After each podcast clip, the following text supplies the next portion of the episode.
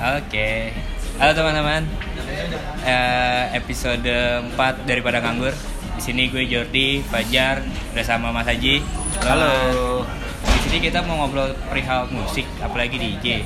Tapi kita sekarang ada di Kopi di Badetik. Hmm. Nah, ini ini asik banget sih tempatnya. Ya, kopinya enak. Kopinya Kopinya enak. enak ya.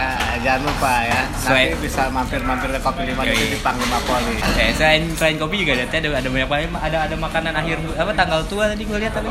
Nasi jeruk Oh, tanggal nasi dua. jeruk tanggal tua. Ah, ya. Cuman Nah, bisa sa- dimakannya itu jangan tergantung tanggal. Pokoknya Iya. tanggal apa apa kalau suka hajar. Harganya harga tanggal tua. Harga tanggal dua. Ada tanggal tanggal, tanggal khususnya. gitu. Kopinya enak. Oh, iya. Oh iya. iya. Panglima Poli Panglima 18 ribu murah lah. Iya. Jadi Fajar gak minum kopi hitam lagi, nggak kayak yang kemarin-kemarin. Udah kekinian dia sekarang. Iya, sekarang. Kita sekarang udah jarang apa ya, syuting di di dalam. Iya di kamar lu Di kamar. Oh ya by the way, kita gak sama Aryo, soalnya Aryo katanya sakit. Sakit Ya. mulu Oh, anjing. saya. sama dong. Aryo. Dari Aryo ya. panu, panuan malu. Semuka panu. Aryo juga udah males katanya. Oke, pertanyaan pertama aja kita dari lu dong. Iya. Nama Nama apa nih, Mas Haji nih? Nama panjangnya kan cewek Adi Wi. Yuda Adi Wiguna. Adi Wiguna. Ya. Nama, panjang. panggungnya nama panggung. Nama panggungnya DJ Haji Indonesia. Iya, di Indonesia. Itu kenapa bang? Kok dinamain DJ Haji gitu kan? Haji Iya. kan identik dengan apa? Agama Islam. Agama Islam. Ya. Jadi waktu itu eh, anehnya ketika gue pulang dari haji tahun 2008 itu, gue eh, pengen kayaknya terjun lagi ke dunia musik gitu. Akhirnya Sebelumnya- ya, sebelumnya? sebelumnya gue kerja biasa lah sebagai karyawan, ada kerja di radio, ada kerja di perusahaan minyak. Tapi terus kayaknya bukan gua banget gitu. Akhirnya setelah dari situ ya, dalam proses pencarian jati diri lah maksudnya. Selain mencari jodoh gitu kan jadi jati diri dulu nih ya kan paling utama. Setelah pulang haji akhirnya gue bilang oh, kayaknya kalau musik kayaknya menurut gue eh, boleh ya. Dan dalam arti kalau gue mencari musik itu artinya gue buat musik yang semua orang itu memang eh, bisa menikmati gitu. Akhirnya ya udah akhirnya salah satunya adalah jalannya adalah dengan menjadi seorang DJ gitu. Kenapa lu milihnya musik eh, DJ atau enggak musik elektronik gitu? Emang sebelumnya udah ada basic atau emang selera musiknya gitu? awalnya sih gue cuman main band gitu. cuman gue jarak jauhnya nih gue ngebidiknya adalah sebagai seorang musik maker Oh, oke. Nah DJ itu sebagai salah satu profesi yang memang boleh dibilang salah satu batu lompatan yang memang saat itu lagi hits banget kan. Zaman zamannya DJ Riri, DJ Wingky Wiryawan itu kan lagi hits banget tuh. Nah di situ akhirnya gue bilang oh yaudah deh gue jadi DJ aja dulu. Karena setelah jadi DJ nanti ketika gue menawarkan musik kepada orang lain, wah iya dong kan dia DJ berarti dia Oh, ngerti musik. oke. Bayangin kalau misalnya ada seorang misalnya satu yang namanya uh, Salim misalnya, yang satu namanya DJ Haji, terus mereka menawarkan Haji musik. Salim. Ah, bisa juga ya. Mereka menawarkan musik nih, yang pasti si kliennya oh boleh dibilang first impressionnya DJ itu menang. Kenapa? Karena dia memang sehari-hari berurusan berkutat dengan musik. Ah. sedangkan Salim mungkin dia lulusan edukasi musik dari salah satu universitas gitu. Tapi mungkin titel DJ di depannya yang bikin gue lebih dipandang secara Ah, awal iya, iya, iya. Untuk anak milenial lu tau gak tadi yang disebutin DJ Riri dan lain-lain? Ini DJ tua nih. Ya. Jangan jangan jangan jangan bilang tua vintage vintage. Ya, Kalau sekarang kan zamannya Virginius Iya. ya. Kemudian di bawah Virginius yang gitu ya? Yang Arab Arab. Iya, Ya, Arab. Nah, itu jadi. Suara siapa tadi kayak, kayak kenal suara. Iya. Iya, iya. Dan memang setiap zaman ada hero-nya dan setiap hero pasti ada zamannya kayak gitu. Oh, Jadi, iya, ya kan? Setiap orang ada masanya. Jadi kita Iya, nggak bisa kembali lagi ke masa yang kita udah Udah lewat lalui ya? lewat Iya, iya. gitu. Kita udah ibaratnya punya posisi tersendiri lah. Sekarang memang mungkin sekarang anak-anak muda yang memang karya mereka lebih up to date, energinya juga lebih lebar, lebih luas, spread media sosial promotionnya lebih beda daripada Iya, tahun lalu, jadi benar. mereka bisa lebih menggang dibanding mereka yang udah dan eksis ya. platform digital juga sekarang sekarang kan udah makin banyak nggak kayak dulu kan Banyak susah banget. distribusinya kan banget banget Lo berarti ngerasain juga ya? ngerasain zaman belum sedigital sekarang. Iya, gue dulu pertama kali ngerilis uh, remix lagu itu tahun 2010. Saat itu uh, belum banyak DJ yang bisa tembus rilis lagu di iTunes, kemudian di Beatport, Iya. ya. Spotify belum ada Spotify saat belum itu. ada. Dan saat itu gue coba ngerjain lagu remix dari uh, boleh dibilang ya artis luar negeri, model gitu, tapi dia bisa nyanyi. Terus uh, karena dia tinggal di Amerika Serikat waktu itu zaman masih zaman Twitter, jadi dia sebarin gue bikin lagu nih ke semua Twitter yang ada inisial DJ-nya. Mungkin DJ Haji kena, mungkin DJ Pakistan kena, DJ mana kena gitu. Akhirnya dari situ gue bikin Pakistan.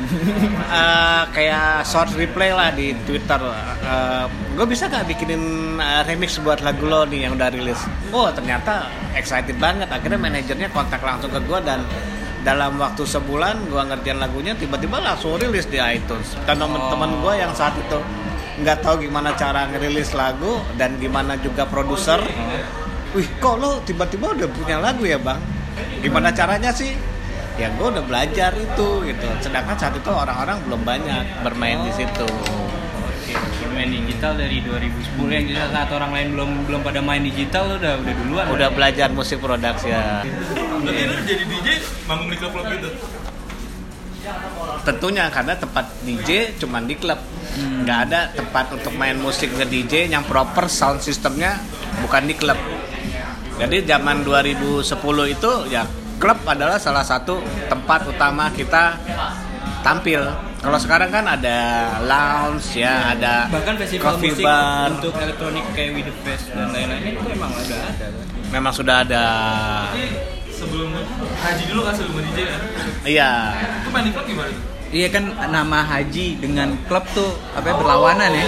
Hmm. Itu gimana bro? Ada pengalaman-pengalaman ya lucu? lucunya Lucu, sih lucu. banyak banget ya misalnya gue baru kenal teman terus dia nawarin alkohol dengan otomatis ya gue harus nolak secara apa sih namanya secara diplomatis gitu kan. Misalnya weh bro keren nih mainan lo gitu kan setlist lo lagunya gue suka nih. Oke oke yuk yuk yuk ditarik ayo ayo minum minum minum. Wah sorry bang gue nggak minum. Tapi gitu dari kan. awal lo enggak ya? dari awal gue memang enggak gitu. Bahkan ada misalnya kayak cewek-cewek gitu kan yang ya, teman-teman gue gitu mereka udah manggilnya bang Haji bang Haji bang Haji itu aku kenalin yuk sama temen-temen aku. Dia suka tuh sama lagu-lagu bang Haji ditarik gue ke sofanya di sofanya. Ini ya yang tadi main. Oh ya. Gue makasih bro. Bagus banget. Gue tadi request lo mainin ternyata lagunya ya. Oh ayo mau minum minum minum. Udah ditim udah dituangin gitu minum gitu. Gue pegang gini oh ya siap siap bang. Bawa bawa jadi gue gue per ke orang lain gitu kan tapi gue nggak minum gitu tapi Tapi kalau iya iya tapi bagus ya. namanya Haji gitu Iya. Namanya Haji, cuman dia menjaga. Kan gue kira main DJ tutup mata gitu. Aurat, aurat, aurat. aduh Iya. ala- alhamdulillah banyak banget kalau aurat ya namanya dunia malam sih ya ya begitulah Tapi pernah tergoda gak? Aduh, lepas lagi ya. ya kalau godaan wanita itu bagi gue lebih kuat lah ya kan? Hmm. daripada godaan eh, ya semua godaan pasti punya ininya lah punya level-levelnya gitu ya. Hmm. tapi memang kalau bagi gue godaan wanita siapa pun bisa tergoda lah. Iya ya kan? Kalau alkohol mungkin karena kita mungkin bisa aja kita nggak suka mabok suka. ya kan? Mabok pusing ya kan? Muntah males gitu. Tapi kalau wanita mabok nggak males. Mabok nggak muntah. Ya kan? Muntah lah. muntah ya. Yang mana? Ya apa? Nah akhirnya ya udah ya. Kalau wanita sih ya banyak lah banyak Iya, ini iya. banyak apa cerita-cerita juga di situ. Nggak usah diceritain ya. Ntar Nggak usah istrinya nonton diceritain. bro. Iya. Manggung di klub, dia pasang pamflet itu DJ Haji Indonesia. iya Tuh kan sempat ditutup ormas Iya, gitu ntar kan. datang, Ah, ini Haji. kan itu Oh, lagi. mau bertausiah. Iya, Tausiah di klub. iya. Kayak Gus Miftah. ya kalau itu sih ya aha ininya nggak pernah kejadian seperti itu gitu karena kan gue juga ya boleh dibilang nggak terlalu inilah nggak terlalu meledak banget gitu kan tapi ya mereka tahu lah kalau kalau misalnya anak-anak Kemang anak-anak Jakarta mostly oh ada ya namanya DJ Haji kayak gitu. Tapi itu setelah eh, kurang lebih gue empat tahun lah eh, bergulat di dunia khusus DJ itu ada empat tahun ya mereka udah mulai kenal itu cuman setelah itu kan gue merit. Kalau merit otomatis kan langsung tiu, langsung drop gitu kan. Istri juga gimana tuh? Apa ya, semenjak nikah mulai dikurangin kan bisa juga tuh. Iya, kalau awalnya sih teman-temannya istri malah apa ya? Ih, calon suami lo DJ kan DJ begitu gitu. Apalagi zaman itu Facebook kan pas dibuka, wah tuh kan calon suami lo aja fotonya sama cewek-cewek mulu. Nanti gimana? Ini udah dilihat, udah dikepoin. gitu kan. Cuman kan ya namanya kita DJ saat itu kita belum punya ikatan kita cuman nge-treat temen atau tamu yang memang familiar suka datang ke acaranya kita sering datang ke gua main gitu. Masa gua foto atau gua nge-treat dia sebagai hospitality itu masa nggak boleh sih gitu kan?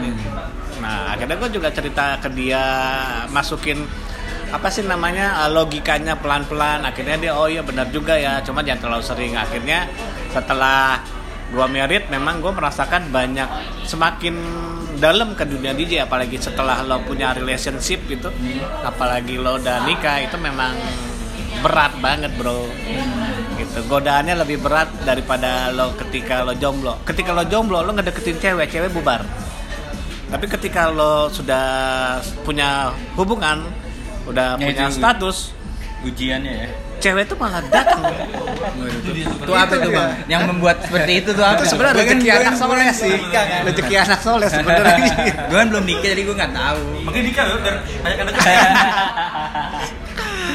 iya gue nggak tahu ya mungkin ya itulah namanya apa eh, apa ya karma kali ya Iya. karma ya ketika kita mau mencari sesuatu yang pengen banget kita cari nih misalnya tapi kita nggak pernah dapet gitu adalah misalnya suwe-suwenya gitu lah misalnya bapuk-bapuknya lah kita deketin cewek ceweknya udah deket sama kita tiba-tiba ceweknya sama orang lain nah itu pernah tuh Ditikung, ditikung. ditikung. Udah, udah, udah bosan makan nasi jadi makan teman. Ah.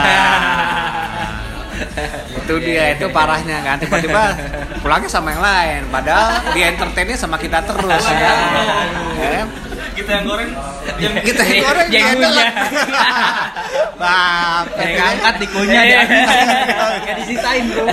Jagonya.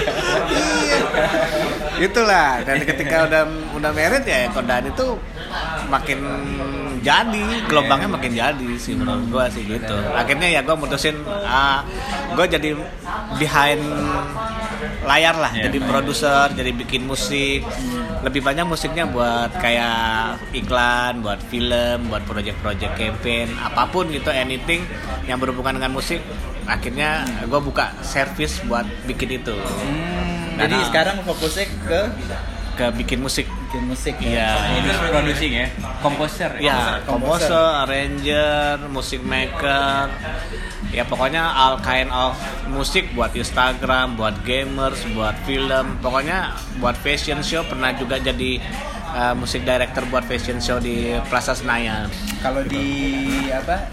Spinek Kemang tuh lo sebagai apa? Nah di Spinach Kemang Spinach, gua, spinach gitu. Spinach. Spinach Kemang itu kan uh, DJ manajemen, jadi gue di situ bergabung sebagai label manager. Jadi label manager. gue ngurusin musik-musik, sekaligus gue sebagai ANR ibaratnya scouting new talent buat kita approach biar dia masuk ke label kita bisa jadi apa booster buat penghasilan gitu. Buat jualan baru. Misalnya kan setiap tahun pasti akan ada muka-muka baru nih. Nah kita mesti lihat tuh yang mana dari DJ dari musisi. Kemudian kita deketin kita tawarin mau nggak lo bergabung sama Spinach? Gini gini gini gini gini. Nanti ada kontrak hitam di atas putihnya. Nanti baru setelah itu kita manage dia selama kurang lebih lima tahun. Itu eh, berarti manage-nya cuma bukan recording doang termasuk distribusi, publishing semuanya segala macam. betul. Oh. jadi kalau gua dari musiknya misalnya gua ngeliat ada satu orang nih yang bagus nih dan dia memang musik maker produser. Misalnya let's say kayak Dipa Barus lah Hmm, gitu ya. Dipa. nah gue deketin dia eh bro lo gimana musiknya? Gini-gini lo udah rilis berapa aja? Mau nggak rilis di kita? Gitu. Nah ketika dia masuk musiknya otomatis karena dia bisa nge-DJ DJ-nya juga di Oh. kita juga. Jadi kita organize musiknya kita juga organize profile DJ-nya kita bikinin uh, photoshootnya yang proper kemudian kita jualin dia ke beberapa party di luar kota Jakarta dan di kota Jakarta juga. Pokoknya kita muterin dia lah biar dia bisa jadi tren di Jakarta Kalau kalau misalnya ada ada ada musisi muda nih DJ, Hmm. dia pengen dipublish di record label lu gitu. Hmm, Bisa juga dia bisa demo juga gitu? bisa bisa dan kita memang punya acara namanya backroom producer session Hah? Setiap orang yang mengaku musisi elektronik tuh bisa kirim lagunya ke emailnya itu ke rrobmusik@gmail.com Oke. jadi nanti lagunya itu bakal kita tayangin secara live di YouTube. Oh, ada ada live stream YouTube ada live stream di backroom TV Oh, backroom TV. Jadi nanti kita akan kasih komentar tuh, komentarnya tentunya yang membangun, bukan yang menjatuhkan. Jadi misalnya kita tahu banget produser kita itu ada yang newbie, ada yang udah oke, sampai yang pro gitu. Nah, buat yang newbie kita kasih masukan yang membangun, buat yang mereka udah profesional, kita kalau ada masukan itu kita lebih masukkan kepada sisi yang lain, misalnya dari sisi komponen komposernya mungkin atau apa Lebih gitu. detail lah ya. lebih detail gitu nah itu kita tayang jadi kita puterin lagu mereka nanti lagu yang bagus itu nanti akan rilis di kompilasi lokal itu keren kita punya Hmm. lokal itu keren jadi orang-orang produser lokal itu harus tahu semuanya kita punya gerakan movement lokal itu keren jadi untuk produser-produser elektronik Indonesia Wah, seru juga tuh ya. iya Apalagi kan sekarang musik elektronik lagi hype-hype ya kan. banyak banyak. Influencer jadi ini. Iya. Eh, emang Rapper. gue pengen pengen ini nih pengen tahu. Kan banyak DJ DJ nih. Hmm. orang baru eh, influencer pada nge DJ Ah. sebenarnya tuh kalau nge DJ tuh tinggal ngeplay doang apa perlu apa kemampuan khusus gitu apa tinggal play gaya-gaya ting Joget-joget. iya nggak sih Joget-joget. oh iya iya, iya. Apa dia harus punya apa gitu teknik khusus ada cara-cara yang mencetnya tombolnya yang banyak bro Iya. Susah gak sih? Jadi DJ itu gampang gitu pertanyaannya. Sebenarnya kalau jadi DJ itu beda sama musisi. Kalau musisi kan kita eh, harus tahu nada. Oke. Ya kan kalau DJ itu boleh dibilang operator aja. Jadi kita kayak operator mainin pencet play, play jalan. Pencet stop, stop jalan. Ya kan? Kita naikin volume, volumenya naik. Kita turunin, volumenya turun. Nah, kalau misalnya musisi kan lo harus tahu nada. Tahu nada itu lo butuh tahunan untuk lo bisa jadi ibaratnya apa ya eh, kayak ahli di bidangnya. Tapi kalau nge DJ paling lama setahun itu kalau misalnya lo praktis saja lo itu bisa. Cuman memang eh, keahlian dasar yang harus dimiliki oleh orang yang mau memilih udah mau jadi DJ itu ya dia harus bisa memecah otak sebelah kanan sama otak sebelah kiri. Karena apa? Karena kalau misalnya kita nge-DJ kan kita mixing atau nyatuin dua lagu nih. Satu lagu yang main, kita akan mainin lagu yang akan Yang akan main. Iya. Otak sebelah kita dengerin lagu yang akan kita mainin. Temponya berapa, beatnya berapa. Nah, otak sebelah kita itu untuk mantau lagu yang sedang dimainin. Nah, jadi kepe- kepecah tuh. Nah, skill itu sih sebenarnya skill dasarnya gitu. Nanti skill lanjutannya adalah ya lo tinggal ngulik aja lagu house dance itu genrenya ada apa aja ada progresif ada trance ada trap ada hip hop ya ada macam-macam gitu itu pengetahuan yang lo bisa dapetin baca Iya. Oh itu DJ yang pakai setengah headphone itu berarti dia lagi dengerin yang mau dimainin lagi. betul gue kira gaya gue kira gue kira gaya doang. Cuman kan bisa bang itu di rumah nih udah disiapin ya playlistnya nih sampai transisi transisi tinggal play doang Tinggal play doang ya. ada nggak bang kayak gitu bang ada ada ya mungkin dia terlalu sibuk kali untuk bikin setlist DJ-nya Enggak, enggak. Oh, jadi gua gua nyimpulinnya, jadi kesimpulannya kalau gua nih nyimpulinnya Hah? bahwa DJ itu jadi lu sibuknya itu di proses composing lagu sebelum perform kan. Betul. Bedanya sama musisi, kalau musisi lu bawain secara live. Iya. Kalau ini lu buat dulu di rumah. Betul, Playlist ya, di skenario-nya. Iya. ada juga ada skenario nya juga ada juga namanya di club kan kadang-kadang ya bang gua mau request Request lagu ini dong ya. ternyata kita lagi mainin lagu ini kita mesti mainin lagunya misalnya Dua Lipa gitu masuk nggak nih sama Dua Lipa ya kalau misalnya nggak masuk langsung dengan Dua Lipa kita kasih transisi misalnya masuk ke Maroon 5 dulu Ya, ya. baru Dua Lipa masuk baru kita mainin lagi lagu Ya, yang ya. berikutnya gitu Ya, jadi ya. memang skill yang paling dasar yang paling sulit untuk jadi seorang DJ adalah lo harus ya. Harus mecahin kepala itu otak itu harus otak kanan otak kiri lo harus biasa setelah itu lo udah bisa sama harus tahu itu ya mood penonton apa mood penonton di Betul. itu di mana sih namanya di, Di- tempat itu di kan floor, klub di itu. dance floor, ya. floor ya floor Wih, Ya. floor bro anak DJ ya kan misalnya kita kasih lagu ini ternyata dia jogetnya nggak terlalu Iya, excited iya. oh ternyata nih beda nih Nah, beda gitu kan di, di pelosok pelosok kan Beda, musiknya belum sampai beda, di ya, Jakarta. Ada memang ada itu ibaratnya apa ya pengalaman jam terbang. Kayak musisi sama kan Hmm. oh gue mainin lagunya Ed Sheeran yang nyanyi banyak nih. Tapi ketika gue mainin lagunya bukan Ed Sheeran lebih lama lagi ternyata nggak ada yang nyanyi. Berarti itu pengalaman jam terbang. Itu Iya, juga iya. berlaku sama DJ Tapi lo pernah sih manggung terus eh, crowded lo nggak asik terus lo suruh turun atau gimana? Wah crowded lo nggak asik lah ibaratnya gitu. Lo lagi ma lo lagi DJ tapi crowded lo nggak asik lah. crowdednya nggak asik. Eh, crowdnya nggak asik ya gitu. crowd crowd ya. Crowded. Ah, so far sih nggak pernah ya. Karena gue buka gue itu DJ yang boleh dibilang gue menerima masukan dari si crowd juga. Jadi Oh. misalnya si crowd bang mainin lagu ini dong. Kalau ada gue mainin. Kalau enggak gue nggak mainin. Tapi misalnya kalau nggak ada pun gue nanya lo mau lagu apa selain misalnya zamannya Lain- lain gitu. ya. zamannya gue itu lagi ngetren banget Pitbull. Iya, ya kan? Lo main Pitbull yang mana? Yang I Know You Want Me. Nggak ada nih ada yang mana? Yang Jennifer Lopez. Ya udah itu aja. Boleh yang apa till the party started lah pokoknya. Setelah itu ya udah dia seneng gitu kan. Pokoknya eh, tugas seorang DJ itu adalah salah satunya kalau buat kita adalah to please the crowd gitu. Walaupun kita punya sisi idealis juga tapi idealis itu kita tinggal persenin aja. Satu jam kita main ada beberapa lagu idealis ada beberapa lagu komersil gitu. Biar ketika kita ketika kita Iya, main iya. nggak biar ketika kita main nggak Udah, bang. Ayo bang mulai lagi bang. Satu dua tiga. Ya biar ketika kita main itu si apa crowdnya nggak bete bete banget gitu. Nggak wadidaw gitu dia Iya. minum terus main HP tapi orang kalau udah mabuk mah musik kasih musik HP aja mah iya joget aja makanya beda antara DJ yang main opening sama main di prime time. Kalau Iya. prime time ibaratnya dia mau mainin lagu apa aja, dia crowd udah nyerap. Tapi kalau crowdnya kalau DJ yang dari awal pemanasan itu sulit tuh manasin. Lo mesti mesti tahu jenis musik banyak gitu. Karena ada jam misalnya jam 9 sampai jam 11 lagunya apa, 11 sampai jam 1 apa, jam 1 sampai jam 3 apa itu peak time-nya, jam 3 sampai jam 4 closingnya harus gimana ya. Itu biasanya jam terbang lo bakal tahu sendiri gitu.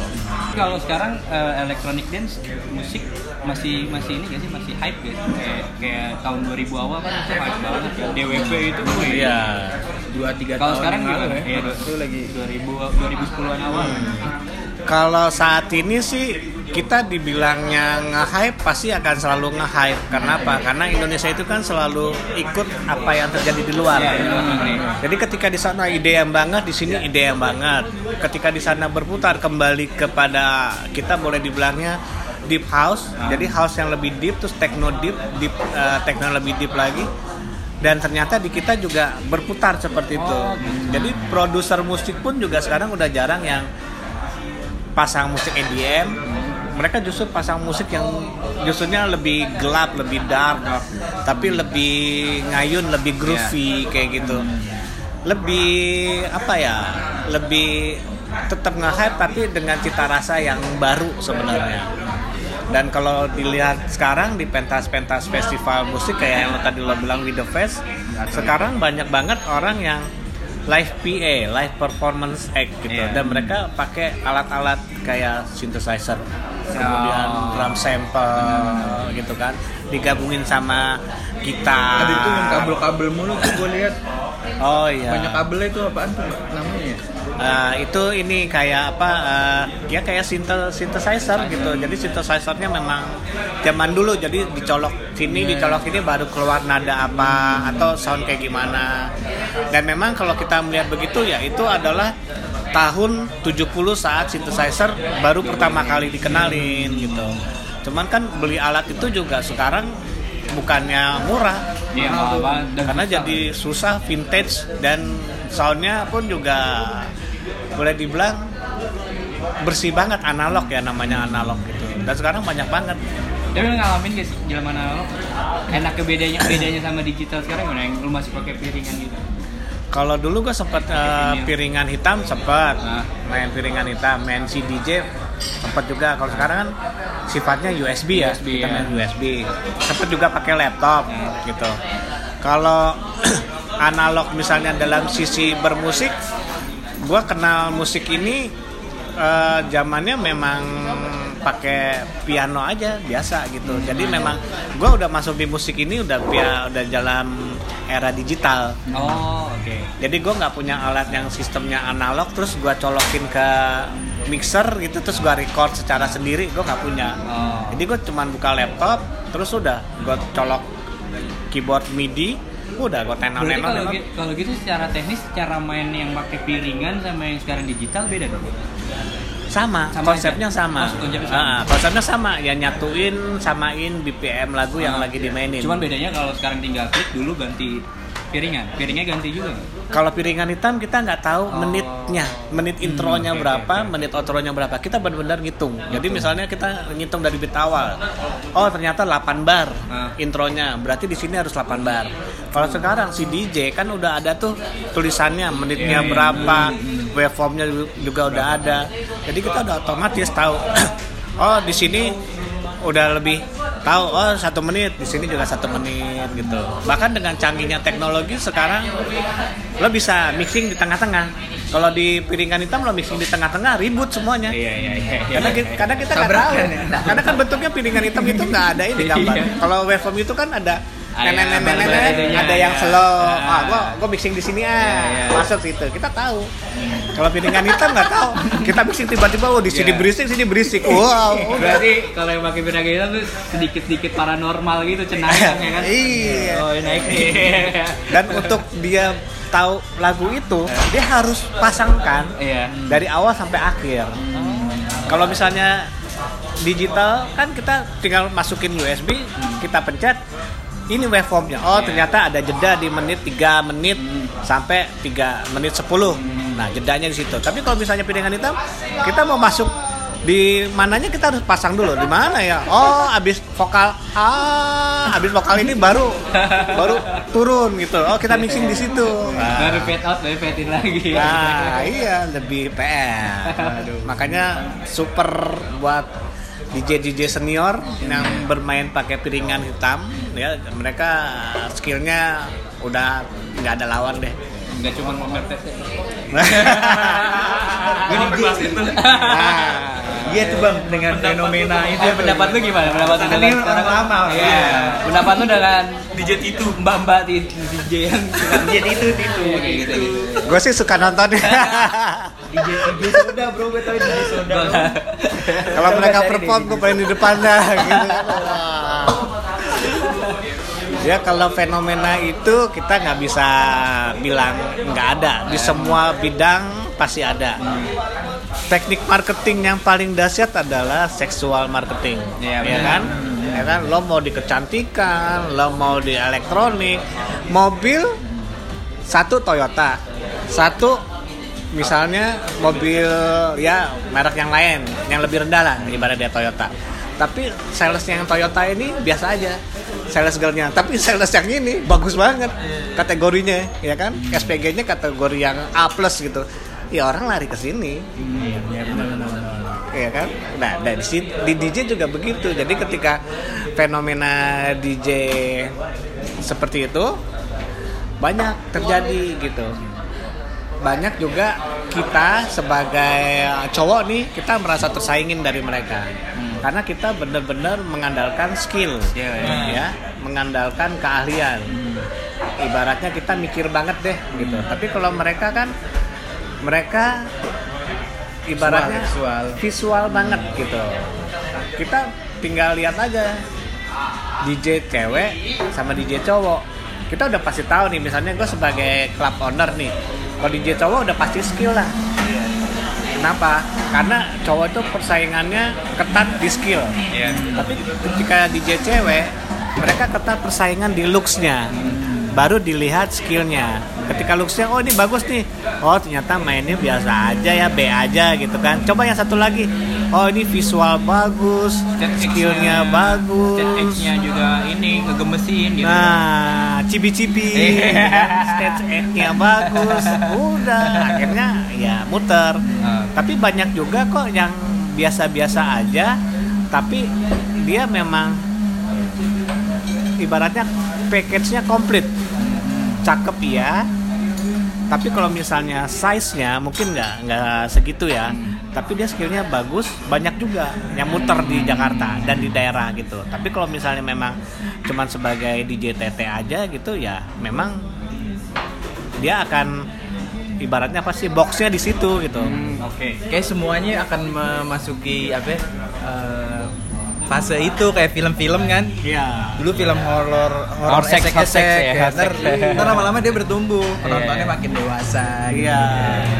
Jadi jangan salahin eh, playernya, salahin Playernya. Eh, penikmatnya. Kenapa lo malah memilih yang seperti itu? Gitu. Benar. Dan biasanya itu kan kalau DJ DJ itu kan mereka juga menggunakan media Instagramnya Nah. untuk promosi kan. Iya. Jadi misalnya kayak gua ngeliat misalnya salah satu DJ bentukan dari eh, kita misalnya, ya lo jangan pose yang gini-gini, nanti lo masuk kategori DJ Tete. Oh. ya kan kalau lo udah masuk kategori DJ Tete, itu udah susah tuh.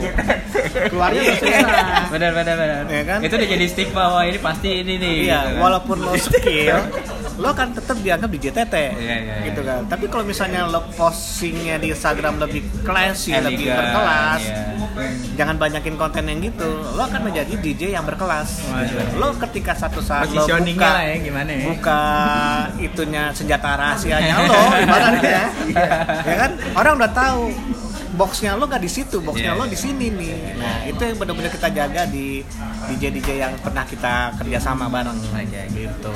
Tapi kalau mereka pengen ibaratnya teknik marketing cepat, ya why not? Dan memang semua juga sama-sama diuntungkan kok. Ya kan? Klub diuntungkan, crowd diuntungkan, DJ-nya juga diuntungkan juga. Jadi ya memang oke aja, let's go aja. Nah, terus persaingan antara DJ baru dan DJ lama nih sekarang gimana bang? Menurut lo? persaingan DJ baru sama DJ lama kalau DJ yang lama itu dia udah menang start tapi mungkin dia akan susah untuk balik ke tren yang zaman sekarang karena dia udah di mark sebagai oh lo mainnya adalah ini gitu kan. Sedangkan kalau DJ yang baru mulai nih dia mainnya dengan genre yang sekarang dan akan mendatang misalnya. Jadi dia ibaratnya setahun dua tahun kalau dia serius di DJ aman. Tapi kalau DJ yang udah lama dia mau balik ke tren sekarang agak sulit. Karena klub atau temen-temennya atau tempat lain udah tahu kan lo mainnya nggak begitu kalau sekarang mainnya begitu sih Oh. kecuali dia pengen bikin alias misalnya DJ Haji AKA. Iya, tiba-tiba DJ Ijah. Ah. Ah, misalnya bisa aja gue main jadi genre lain-lain. Oh. Gitu. Kayak Marshmello, Marshmello kalau nggak salah tuh Kenapa? DJ juga ya. Kalau dia nggak pakai topeng, Iya. iya kan? Ah, ah. Kayak gitu ya. Kayak gitu. Semuanya pasti eh, kurang lebih begitu deh. Kalau misalnya antara anak lama yang udah berkecimpung lama di dunia musik sama yang sekarang. Berarti karakternya itu sel- selain jadi lu selain DJ bisa main musik, karakternya juga mesti kuat ya kalau kalau yang dulu maksudnya. Betul, Kalau yang betul. sekarang kan ya udah lah gitu lah. Ikutin aja. Gitu. Iya. Mumpung Gua- aja, mumpung aja, eh, mumpung ada bro. nggak sih kar- DJ muda yang berkarakter ada selain tetenya ya. Iya. Belum ada ya ibaratnya. Kalau dulu kan kayak DJ Riri terus siapa lagi itu kan emang mereka kan Iya. karakternya eh Wiki Wiki. itu kan karakternya emang emang jelas gitu. Mungkin kalau sekarang orang lebih apa ya? eh, mungkin nggak semua orang bisa mendapatkan karakter itu gitu. karena kan memang ada orang yang ketika dia mulai jadi DJ karakternya udah dapet nih gue maunya yang ini tapi Oh, oke. ketika dia terjun di dunia DJ dia kuasain dulu musiknya baru packaging karakternya itu nanti belakangan biar let it flow aja Iya iya. iya. lo mau taruh gua di box yang mana pun terserah pokoknya gua mainnya begini gitu nah sedangkan kalau DJ yang berkarakter misalnya lo harus mikirin tuh tampilan lo gimana baju lo Iya, gimana stage X-nya kayak gimana? stage gimana musiknya gimana gitu jadi benar-benar full package lo sebagai artis visualnya lo harus bikin Satu paket. satu paket cuman kalau sekarang kan di DJ sekarang gue bisa nge DJ aja udah bisa main di satu tempat gue udah senang Iya. ketika diminta profile lo dong ah profile bikinnya kayak gimana ya bang Ah, bingung Ya dia kan kayak Marshmello itu kan tampilannya itu lighting kalau dia perform kan lighting apa segala macam tuh emang jadi satu paket. Saja satu paket Karena mah DJ-nya pada mumpung, mumpung lagi tenar, Iya. mumpung lagi. Iya. DJ. Iya lagi terkenal di Instagram ya DJ. Pesan lu untuk mungkin eh, anak-anak muda, anak-anak milenial pasti Hmm. yang mau masuk ke DJ itu gimana sih? Ada pesan khusus gak? ya ketika lo pengen memulai sesuatu yang baru Hmm. apalagi sebagai seorang DJ eh, lo harus tahu bahwa itu passion lo atau enggak Oke. gitu kan? Kalau misalnya lo belajar es eh, keahlian sementara ya itu nggak apa-apa. Tapi kalau misalnya lo pengen menjadi seorang DJ DJ yang profesional itu lo harus tentuin. Karena dunia ini memang dunia yang menghasilkan. Cuman butuh perjuangan banget. Karena ibaratnya eh, industri DJ di Indonesia itu masih dalam tahap berkembang. Ya, segmented lah ya. segmented Segmented. belum seperti dunia luar. Ibaratnya katakanlah begini orang tua kita lo mau jadi mau jadi apa? Mau jadi DJ ah mau jadi DJ mau ngapain? iya kan? Padahal ketika lo jadi DJ lo bisa mendapatkan pekerjaan yang di luar DJ contohnya lo bisa bikin musik komposisi. ya kan? Bisa composing lo bisa perform di TV lo bisa macam-macam lah. luas. Musik itu luas. Mungkin DJ itu hanya sebagai step doorstepnya lo untuk masuk ke dunia yang saat ini lo belum tahu macam-macam. Kayak gue misalnya gue belajar jadi DJ kemudian gue belajar jadi musik maker. Kemudian akhirnya gue bisa dipercaya megang kopi 5 detik. Oh. Yang notabene gue nggak pernah gue dulu kategori bukan orang ngopi gue lihat orang ngopi aja bingung gue Iya. ngapain ngopi ya?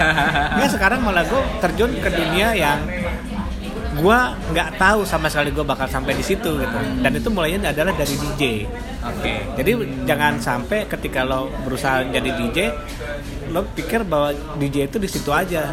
Mungkin lo nanti ketemu teman lo yang akan membawa lo ke mana secara positif ya ke dunia yang baru gitu yang bisa lo kuasain gitu. Kalau secara industrinya kan segmented, tapi Betul. kalau dari relasinya besar luas kan. mungkin orang lihat stigmanya DJ pulang pagi gitu Iya. kan tapi kalau mau lo lihat eh, pergaulannya DJ ya mohon maaf nih dari yang halal sampai yang narkoba ya yang tidak halal ada gitu tapi tergantung bagaimana orangnya bisa memfilter itu Iya, aja sih Gimana individunya bisa membawa dirinya ke mana? gitu. betul itu aja Oke, seru ya. Seru seru seru. seru. Gua kayak apa? Eh, taruh lu dong. Itu closing sama, gak sabaran ya. Krunya gak sabaran. Nggak sabar. Eh. Pengen ngedit aja nih. Kita eh, gue, gue apa? pengen tahu deh. Apa? Kalau DJ terakhir? gini eh, sebutin tiga lagu the best all the time menurut lo. Yang sepanjang Hmm, waktu. Sepanjang masa. panjang masa. Tiga aja. Eh, Armin van Buren ya. Judulnya apa? Gue lupa gitu kan. Nah, pokoknya menurut gue lagunya endemic lah ya. Eh, Armin van Buren terus kemudian Gareth Emery. Kalau Gareth Emery gue tahu lagunya Concert Angel kemudian lagunya Muni I Don't Know Why Oh. gitu. itu bisa jadi referensi buat teman-teman yang suka elektronik musik tuh. Itu Ya. elektronik semua bang, gue gak ada yang tahu aja. iya elektronik Gue juga nggak ada yang tahu. pokoknya semua pokoknya semua musik yang diproduksi dari laptop gitu kan pokoknya dalam bentuk digital itu boleh dibilang sebagai elektronik Oh. karena ending-endingnya kita ngetek pakai gitar tetap aja masuknya proses secara digital secara Iya, elektronik gitu Ada lah. DJ terbaik Indonesia lokal. DJ terbaik Indonesia. Wah, temen-temen gue banyak. Sebutin aja. Sebutin aja. Satu ya satu. Kalau kalau Biasa, satu susah enggak. tiga deh. Biasanya ini pertanyaan jebakan. Kalau udah jawab yang terbaik, ntar yang terburuk siapa? Ayo. Tadi Iya, apa terbaik, coba? terbaik, ayo. terbaik. Mungkin gue nggak sebut nama ya, gitu. Tapi juga eh. Cari apa juga kayak kemarin. Pokoknya- DJ terbaik. pokoknya DJ yang menurut Ntar buat gua judul itu bang. Ya, buat judul. Clickbait. Clickbait. Pokoknya DJ terbaik menurut gua adalah DJ terbaik Indonesia adalah mereka yang sampai saat ini masih bisa lo temukan di DJ di klub-klub Indonesia maupun Ya, nggak nama, Eh, nama. lokal Jakarta. Hah? Kalau terbaik, wah jangan deh, kau menjaga. Kecuali voting gitu kan, voting untuk menang Ya kan award kan apa. menurut kan menurut menurut pribadi kan. bukan Suaranya udah gue. Jadi nggak mau kasih tahu. Iya. Nggak mau nggak tahu. Kalau DJ luar boleh deh, DJ luar. Kalau kalau nih, kalau ini mau coba apa nih? DJ terburuk lokal. Ayo, Yang nggak banget, yang ada nggak banget. buruk. Diplomatis bro. DJ terburuk lokal adalah eh, Adalah DJ yang DJ tapi dia tidak pernah nge-DJ. Oke deh. Oke deh. Oke gitu aja teman-teman ya. Karena gue yakin ini bakal didengerin satu juta. Wah, Waduh. Iya, satu juta. Gue bakal promosi di Amin. media sosial gue juga. Benar, benar, benar. Oke, oke deh baik teman-teman, gitu aja. 5 detik nih jangan lupa. Nah, kalau untuk lo yang lagi di sekitaran Jaksel, mampir ke Kopi 5 Detik. Kopi 5 detik. Kita buka dari jam 8 sampai jam 10 malam. Jam 10 malam tuh ya. Iya, Di, jam di, 10 malam. di apa pesan antar juga ada kan kayak GoFood, GrabFood ada gitu. GrabFood, ada GoFood. Tapi kalau lebih mau lebih enak sih nongkrong, Nongkrong di sini. tempatnya enak bro.